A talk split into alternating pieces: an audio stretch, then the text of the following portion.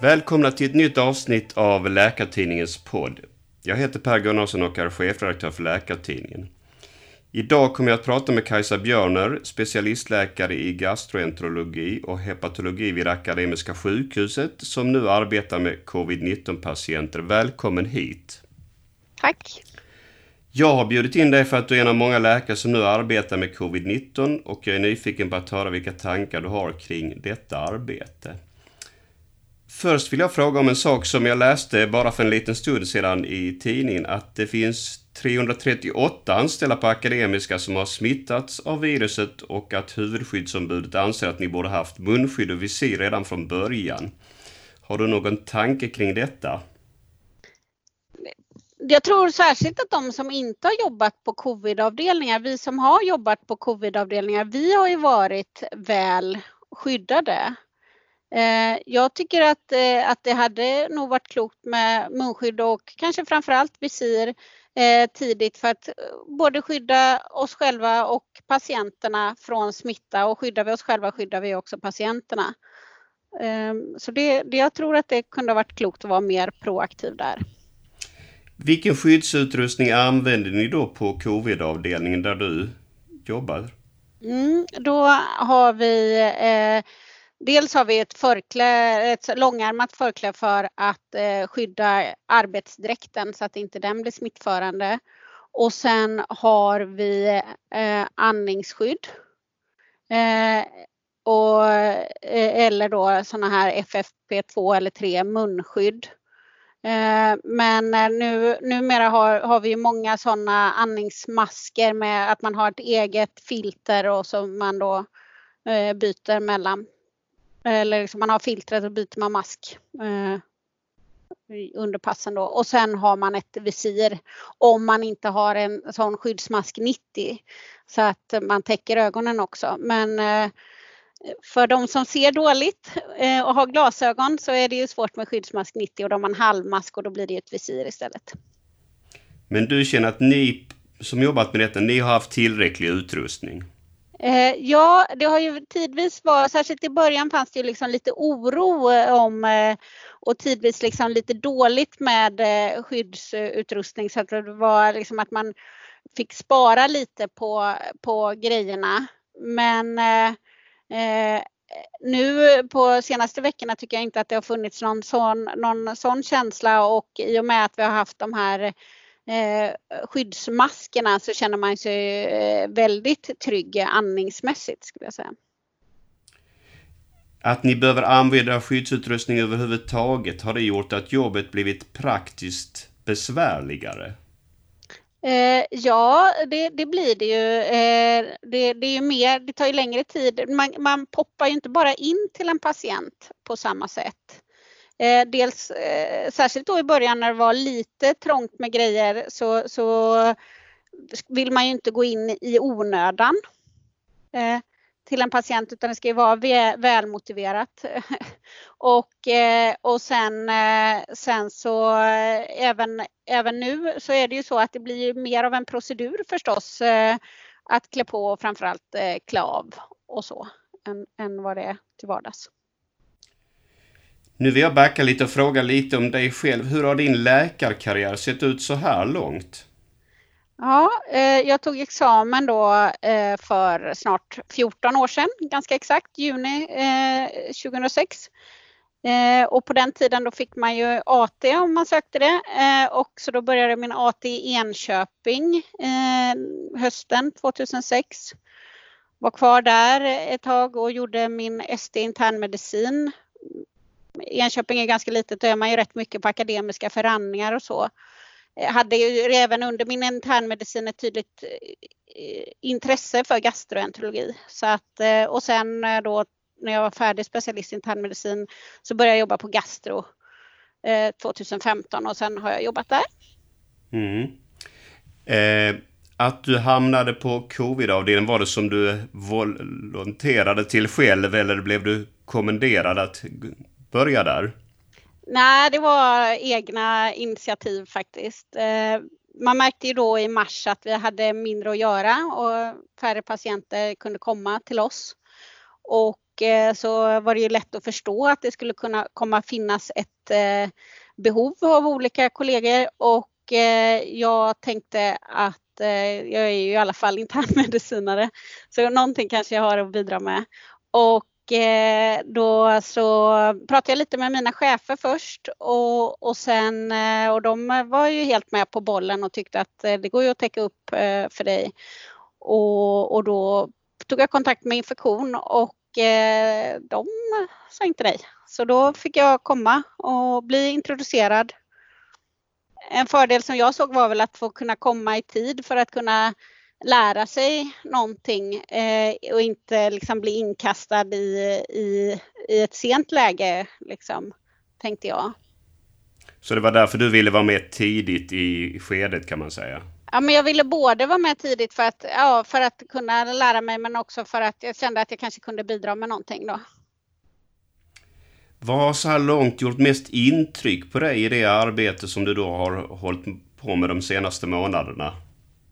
Eh, hur snabbt eh, en patient kan bli dålig i covid. Mm. Var det också något som förvånade dig då? Ja, det får man väl ändå säga. Just särskilt, jag liksom minns just den här första veckan att eh, se hur, hur, hur snabbt patienterna försämras tycker jag var gjorde klart intryck. Det, det, det tycker jag inte liksom stämmer med, med hur jag sett infektionspatienter med andningspåverkan tidigare. Liksom. Eh, inte heller att det här ganska unga fräscha patienter som eh, då blir dåliga, från början unga och fräscha, eh, som blir dåliga i, i covid, hur, hur, hur ordentligt påverkade de, de kan bli. Mm. Tänkte vi strax ska komma tillbaks till patienterna men jag tänkte först fråga några andra saker här. En fråga som slår mig är det här att ni i en speciell situation arbetar med personer som man inte tidigare jobbat med. Har ni haft tid att prata ihop er tycker du? Eh, ja, eh, vad vi har haft som jag tycker har varit väldigt, väldigt bra. Eh, började väl kanske andra veckan jag var på infektion, så i början av april då, att vi varje dag har ett Eh, IVA-möte när vi träffar specialisterna på avdelningen och eh, intensivvårds, några intensivvårdsläkare och eh, diskuterar då igenom vilka patienter som vi har på avdelningen som vi tycker är intensivvårdsnära eller som vi är oroliga för och att vi då diskuterar handläggning och, eh, och att då kanske IVA-konsulterna kan gå dit och titta på patienterna efteråt. Eh, och att vi också har diskuterat vilka patienter som då eh, kan tillgodogöra sig eh, intensivvården. Så liksom vem, vem som ska och inte ska till intensivvård. Och det har varit väldigt bra. Och på de här mötena har vi också då diskuterat andra frågor som antikoagulation och sånt. Så det, jag tycker att det har funnits möjligheter att bolla liksom, medicinska problem. Mm. Så både praktisk samverkan men också möjlighet att lära sig lite mer själv genom den här samverkan. Ja absolut. Jag ty tycker att jag har lärt mig mycket om intensivvård som jag inte hade förstått innan och just eh, ändå andning, andning och ARDS och sådana grejer som jag eh, har förstått mer av än vad, vad, jag, vad jag hade gjort tidigare. Hur ser då ett vanligt arbetspass ut för din del? Går det att säga det?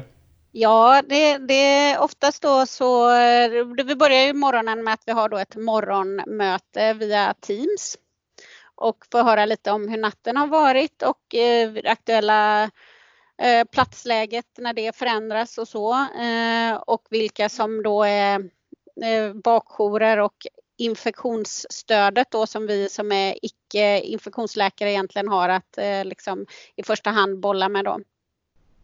Eh, och sen så går man till avdelningen och läser på patienterna lite och så rondar vi eh, tillsammans, eller jag och underläkarna med sköterskorna och undersköterskorna. Och eh, sen så går vi runt och tittar, träffar patienterna och delar upp då att vi träffar eh, så att i motsats till hur man gör i vanliga fall när man går ju hela gänget kanske och går runt till alla patienter så, så går ju en person in till en patient.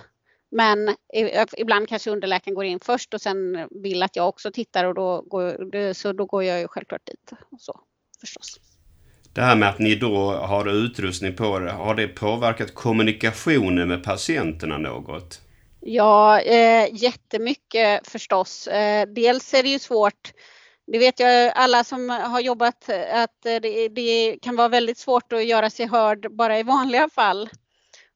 Med en eh, skyddsmask eller bara, bara ett sån här andningsskydd och, och eh, ett visir så är det ju väldigt svårt att höra om man inte har en bra hörsel från början. Kan, finns det också lite språkförbistring blir det också svårare. Mm, mm. Så att eh, det, det, det, framförallt tycker jag att patienterna tycker att det är svårt att höra. Men, men också förstås att det, det blir ju lite mer opersonligt när de inte ser en på samma sätt. Nej, just det. Så ni blir lite mer diffusa för dem när de möter er då, ja? Ja, eh, några patienter har frågat, jag tycker lite mer patienter än vanligt har frågat liksom sådär personliga frågor om mig och då tror jag ibland att det är att de vill skaffa sig en uppfattning om att det finns en människa där bakom masken. Mm. Så det, det har jag funderat på. Hur är då arbetsbelastningen under tiden som du jobbar om du jämför med ditt vanliga jobb? Eh, jag tycker att den har varit, eh, den har varit helt okej. Okay. Vi har varit ganska välbemannade. Någon vecka har jag haft många patienter som specialist eh, men annars rent generellt har det varit nästan lite, lite mindre än vanligt men eftersom det är lite åbäkigare än vanligt också så, så är det bra. Mm, så på det sättet kan man säga att ni har en balans i arbetsvardagen hos er? Mm, mm, det tycker jag. Kan man säga något Ja, ursäkta, fortsätt du. Ja, just det, jag svarar aldrig riktigt på den här frågan hur dagen ska ut. Men det där ägnar vi oss åt på förmiddagen och, så, och är det någon patient som är dålig så ringer vi förstås IVA-konsulten då. Eh, och sen så har vi då klockan ett har vi det här intensivvårdsmötet och sen är vi tillbaka till avdelningen och ser att det, det funkar bra för, för underläkarna och att allt är under kontroll och sådär. Så, så det, det är väl ungefär så en dag ser ut. Eh, vad är det som är mest utmanande med att jobba eh, med den här sjukdomen? Eh, ja, det är en grej som är väldigt utmanande är ju förstås att vi inte vet riktigt vad vi gör. Vi tror att vi gör bra saker. Med, med vad jag tror är en väldigt viktig faktor är ju det här att vi antikoagulerar patienterna Eh, lågmolekylärt eh, heparin använder vi ju eh, på alla patienter i princip. Då. Om de kanske inte står på blodförtunnande för in, innan eller ja, att det skulle finnas någon kontraindikation. Och, och det tror jag att vi hjälper dem med väldigt mycket. Eh, och Eh, och, och så syrgasbehandlingen då. Men, men som sagt, vi, vi vet ju inte vad vi gör riktigt. Det finns ju inte, den, eh, det finns ju den här erfarenheten på några månader nu. Vi, vi, vi, vi, vi har ju inte, vi känner ju inte den här sjukdomen. Eh, det, och, det, och det som, och det gäller att, att veta vad, förstå vad vi kan göra för varje enskild patient och, och, och så. Det, det, är väl det svåra. Mm. Eh, en etisk eh, svår situation som skulle kunna uppstå, som kanske redan har uppstått hos er, det är ju det här att hamna i en situation där man får vårda kollegor. Känner du dig redo för att hantera en sådan situation på ett bra sätt? Eh, jag har ju inte vårdat så många kollegor i den här situationen men jag vet ju av egen och andras erfarenhet att, att det är svårt att vårda kollegor, särskilt folk eh, som man känner. Tycker jag är svårt. För då, då, då tappar man lite rollen på något sätt. Eh, men, eh, men eh, annars har vi ju, vi har ju, jag har ju vårdat eh, vårdpersonal och också kollegor även om inte mina egna kollegor. Och då tycker jag att det, det känns okej. Okay. Men, men visst, det, det, kan ju kännas lite extra. Det är ju den här när, ibland kommer ju patientfallen väldigt nära en själv och då kan, då kan man, då känner man ju väldigt tydligt eh, att ja, det här, det kan komma nära. Vi hade ett sådant fall på avdelningen och märkte att sköterskorna blev väldigt tagna. Mm. Då föds mycket tankar helt enkelt. Och... Det gör ju det. Mm. Kanske en oro för att själv bli sjuk. Har du reflekterat någonting över det också? Jag har reflekterat över det förstås. Eh, I början kände jag en viss oro eh, av att, att jag skulle bli sjuk eller kanske ännu hellre att jag skulle dra hem någonting till eh, min familj. Eh, men jag har aldrig haft någon jättestor oro för det och sen när, nu när man har jobbat då åtta veckor eh, utan att bli sjuk så, så är den ju mindre. Eh, jag är ju ingen riskgrupp. Eh, jag tycker också att det var väldigt tydligt att män drabbas mer än kvinnor i det här. Eh, så att eh, jag, jag har inte varit lite orolig i början men inte, alltså inte på något överdrivet plan men att det har mattats efterhand då också.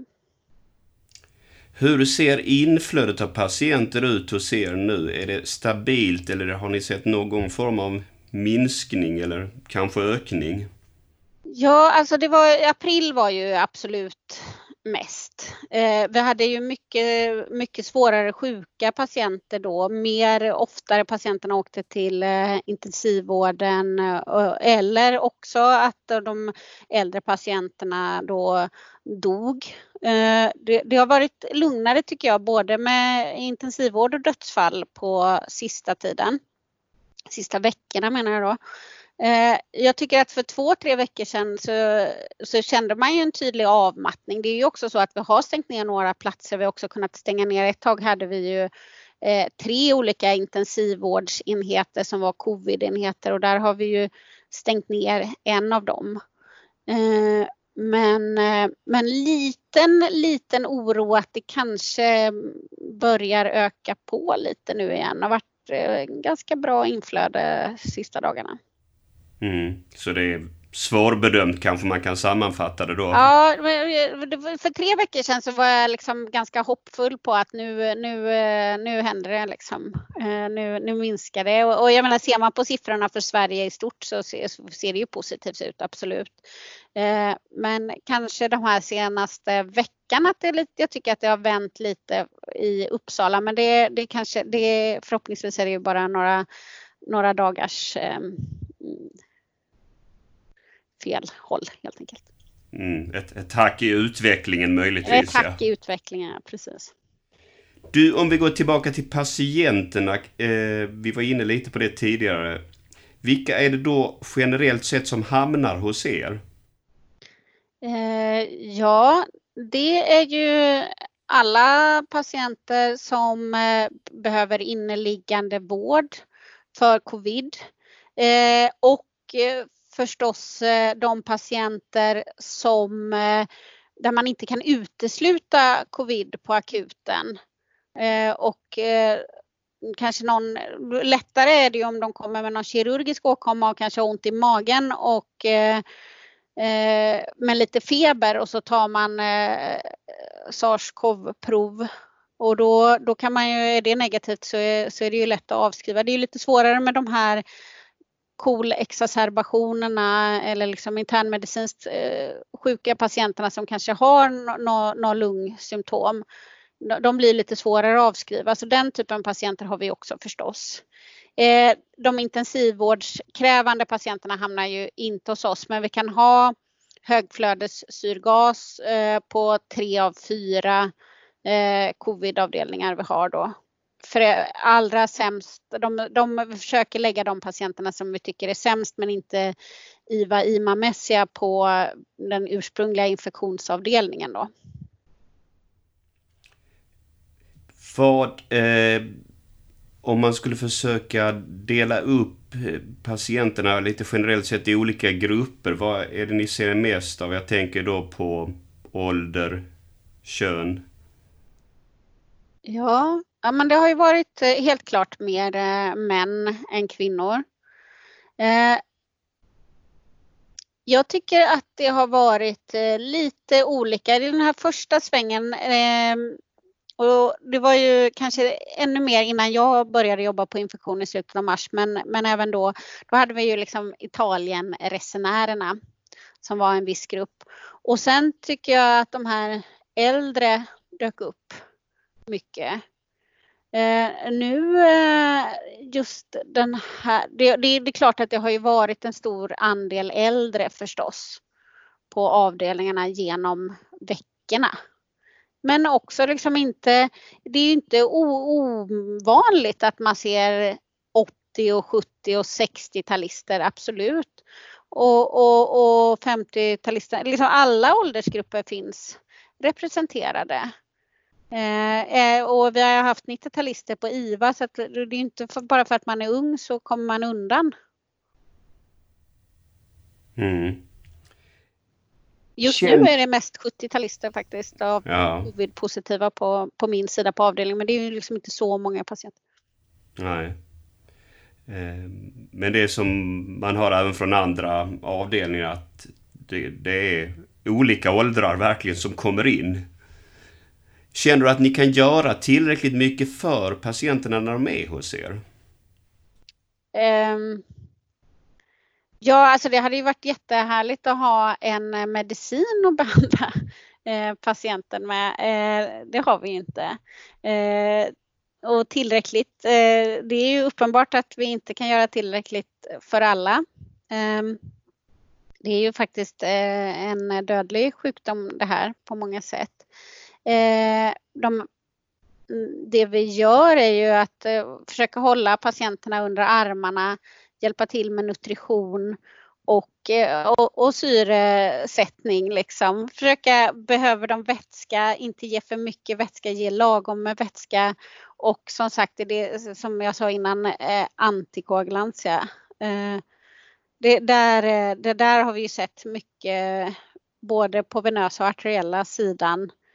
Ehm, så det, det, det tror jag är en, en viktig och jag tror också att mikrotromboser är en, en faktor. Jag tycker liksom att men det är ju ett tyckande, det är, det är liksom inte någon, jag har ingen vetenskap på det utan att det kanske, men att patienterna har mått bättre efter att vi har börjat med fragmin, inte lika många som kraschar, inte lika många som blir dåliga men jag vet ju inte om det är just fragminet som är orsaken till det. På senare tid har det talats en del om att det finns ett stort rehabiliteringsbehov för covid-19 patienter. Har du någon tanke kring det? Ja, det, det finns ju ett eh, jättestort eh, behov. Eh, dels eh, förstås alla då, särskilt de svårt sjuka covid-patienterna som har kanske varit IVA, IMA-vård. Men jag tror också, och, och de här har vi inte sett allihop, men, men det är många som får en långdragen sjukdom. Hur många kommer bli jag tror inte, det, det, är väl uppenbart att inte alla kommer återfå den lungfunktion de hade innan. Vi får se också den här neurologiska påverkan med, med covid-förvirring. Eh, och, och, så att det här, här finns det ju ett jättebehov och hur, hur, eh, vart de resurserna ska tas ifrån eh, är lite spännande att tänka på. Mm. Det verkar ju som att man måste förbereda sig på en, en väldigt stor eh, rad av återbesök av patienterna. Kanske en del i primärvården men en hel del på sjukhusen också. Mm. Så där finns ju en, en tydlig utmaning som du är inne på. Ja, ja. Jo, men vi pratade just om det i morse här om hur, hur eh, vad vi tänker att vilka patienter vi ska se och när och så. Och eh, som sagt, vi brukar prata upp oss, det är ju förstås med, med lungmedicin och vad och eh, var, var, och när och vem är ju ganska stora och viktiga frågor. Mm. Du, kommer du att vara kvar inom covid-19-vården så länge ni har patienter på Akademiska? Eh, nej, Eh, nu har jag väl eh, tänkt, eh, kan vi säga att nu blir det sommar här och då har vi ju inte riktigt samma resurser i vårt schema. Vi är ju inte så himla stor klinik.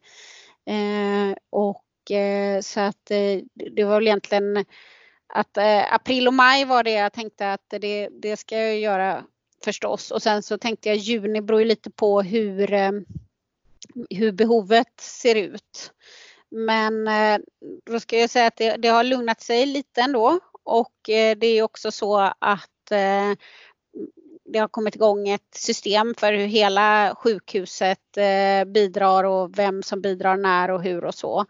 Och jag kommer jobba en, en julivecka med covid, absolut. Men annars så blir det gastroenterologi i sommar. Mm. Men det måste väl kännas bra att ha varit med och gjort den här insatsen i en unik situation? Ja, jag tycker att det har känts väldigt värdefullt. Eh, eh kul att få, eh, att få vara med när det händer, att få känna att eh, kunna bidra med någonting meningsfullt. Eh, jag tycker i och för sig alltid jobbet känns meningsfullt men det känns liksom lite extra så här, när det händer något stort i världen och så har man möjlighet att faktiskt för en gångs skull bidra. Eh, och så har det varit fantastiskt att få jobba med eh, olika kollegor från hela sjukhuset i olika specialiteter. Infektionsläkarna mycket förstås men också alla andra som har kommit och hjälpt till och bidragit och jätteduktiga sköterskor från alla olika tänkbara verksamhetsområden eh, har varit superkul. Också paramedicinare. Så att eh, det har eh, det, vi har ju dels liksom en medicinavdelning som gjorts om till covidavdelning, en eh, ortopedavdelning som gjorts om till covidavdelning och sen då 50 CX som liksom bara startades från scratch och drogs ihop och blev en superavdelning. Jättekul att jobba där. Så att eh, det, det, det har varit eh, det har varit väldigt positivt mötet eh, mellan alla olika människor man inte träffar normalt på sjukhuset. Mm.